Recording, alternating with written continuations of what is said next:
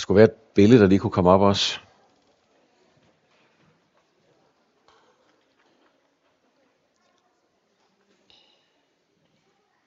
Ja, jeg har et til, tror jeg nok.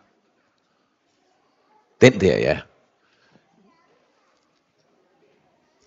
Heroppe på øhm,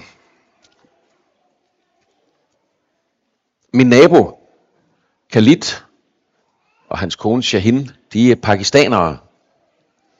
Og øh, de har faktisk øh, gennem noget tid gerne vil være danske statsborgere. Og øh, det er faktisk ikke så nemt at blive dansk statsborger, skulle jeg hilse at sige. Øh, han, øh, der er en masse ting, man skal opfylde først. Man skal have arbejde, man skal have penge på kontoen, og man, skal, man må ikke lægge samfundet til last.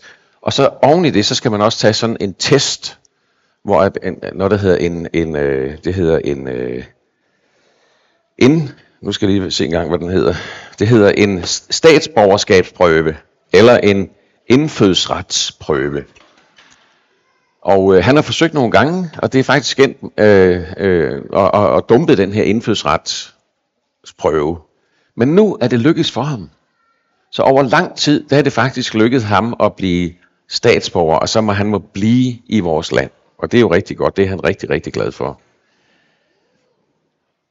Og når jeg nævner det, så er det fordi, at der er, når, når man, når man, det, det vi taler om, den her kvist af Isais stup, altså det er et billede på et, et nyt rige, så at sige, man kan blive en del af. Et nyt land, man kan blive borger i.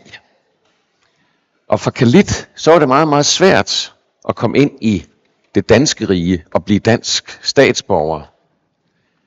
Øh,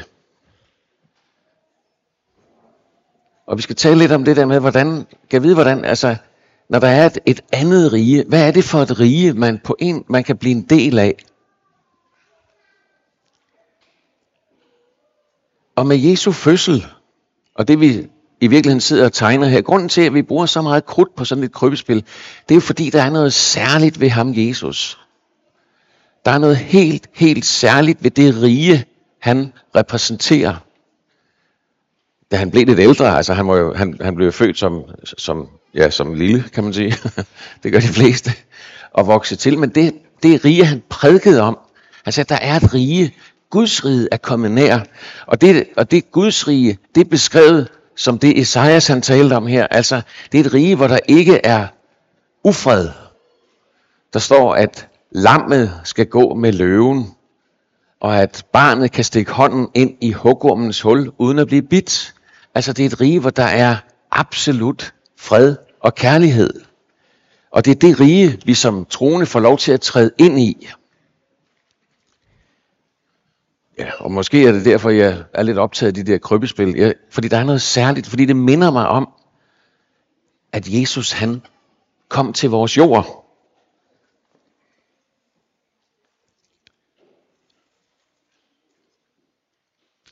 Der er sådan en fortælling, øh, måske er der nogen af jer, der kender den, men efter sine så skulle det være en, en øh, kold vinter, hvor der er en landmand, en, også efter sine en ikke troende landmand, som sidder og kigger ud øh, af sit stuevindue og jagtager, at der er en masse fugle, som er forkommende. Og de er jo på vej til at dø af sult og dø af kulde. Og så tænker han, jeg må jo, det må jeg gøre noget ved. Og så går han ud i sin, til sin stald og lukker stalddøren op og tænder lys og spreder, altså, altså, altså, hvad hedder så, breder noget korn og noget foder ud til de her fugle. Og tænker, så finder de nok ud af det. Det gjorde de ikke.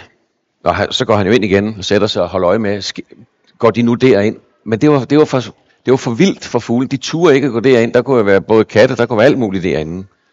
Så tager han sin jakke på og går ud igen og prøver så at se, om han kan genne, ligesom at man kan genne høns ind i hønsegården, så prøvede han at genne de der småfugle ind i stallen og ind i ladebygningen, for øh, om de dog ikke kunne få noget at spise og dermed overleve. Og, og det gør dem jo bare mega bange, og de vasker forvildet rundt og flyver væk. Og han sætter sig ind igen og, t- og tænker over, hvordan, hvordan i alverden, hvordan kan jeg redde de her fugle? Og så er der en tanke, der kommer til ham. Hvis bare, hvis nu bare jeg var en fugl. Hvis nu bare jeg kunne være den der fugl, ligesom gråsbuerne, der, der er derude, så kunne jeg jo vise dem vejen hen til det, altså at redde dem. Og fortællingen er, at det er som om, at det bliver en åbenbaring for ham, fordi det går op for ham, at det var jo det Gud, han tænkte. Hvis bare jeg kunne blive som dem. Og det, og det, og det, er, helt, det er simpelthen hele nøglen i det her med, at Jesus han skulle fødes ind på vores jord. Altså han skulle være en som os og vise os noget og tale om et guddommeligt rige, som ikke bare var afgrænset af landegrænser og, og tolvstationer og alting, men et rige, som, og jeg har sat et billede med her, fordi i andre sammenhænge, der hører vi om Guds rige som det her sinepsfrø, det mindste, mindste lille bitte korn bliver til en mægtig, mægtig plante, der breder sig ud over det hele. Så man kan næsten tale om, at Guds rige i, den, i forhold til den verden, vi lever i, er sådan et slags parallelsamfund. Hvis man, og jeg ved godt, det klinger ikke altid lige godt at tale om parallelsamfund. Men Guds rige er et rige, der består af guddommelig kærlighed, guddommelig kraft, guddommelig nåde, guddommelig fred. Og, og det er det, vi kaldes til at træde ind i som kristne og som troende.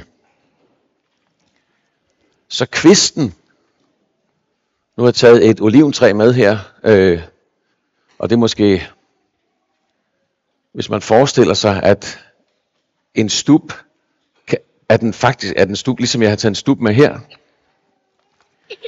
at det store træ er fældet, men der skyder en kvist frem, og den kvist kan blive til et stort, stort træ. Og det er det rige, Jesus han taler om. Det er det rige, som er hans. Det er det, det er det rige, vi får lov til at være borgere i, og kan få lov til at, at være i, og møde kongen, der selv er Gud. Tro på ham, vandre med ham, lad os fylde hans kærlighed, lad os leve efter det, han, det, han sagde om, om det der rige.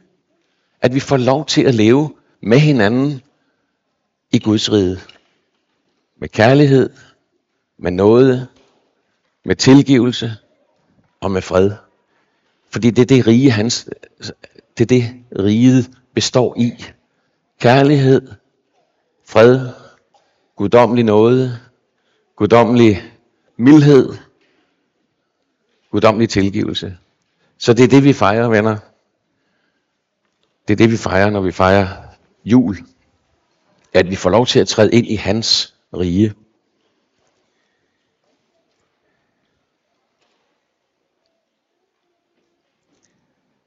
Og så kan man sige, hvordan træder man så ind i sådan et rige?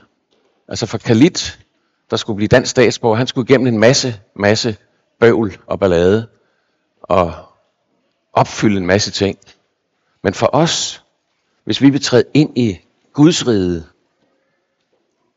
så det eneste vi skal gøre, det er at gå hen til den dør, der hedder Jesus, og træde ind af den dør, og dermed træder vi ind i hans rige. Altså at vi så at sige, manker på hos Jesus og siger, må jeg være med i dit rige? Så vil han sige, ja velkommen, kom og vær med. Kom og vær med. Så Jesus han kalder os, også i dag, til at træde ind i hans rige. Og det her, det er jo, det er jo afledt, det er jo født af en kvist, der skød på Isais stub, altså at et barn blev født for mere end 2.000 år siden. Og han blev døren ind til det rige. Og i dag er der jo faktisk mere end 2 milliarder mennesker, som bekender sig til Kristus, som er gået ind ad den dør, og som ønsker at leve i det rige, og praktisere Guds rige på jord. Så det er simpelthen de gode nyheder til os i dag at vi får lov til at sige, ræk hånden op, eller bank på, eller hvordan vi nu gør det, eller sige ud i luften, åh oh, Jesus, jeg vil gerne være med i det rige. Det rige der, hvor løven går sammen med lammet, hvor der ikke er, eller hvor der er fred, hvor der er kærlighed, hvor der er guddommelig tilgivelse, og hvor der er guddommelig noget.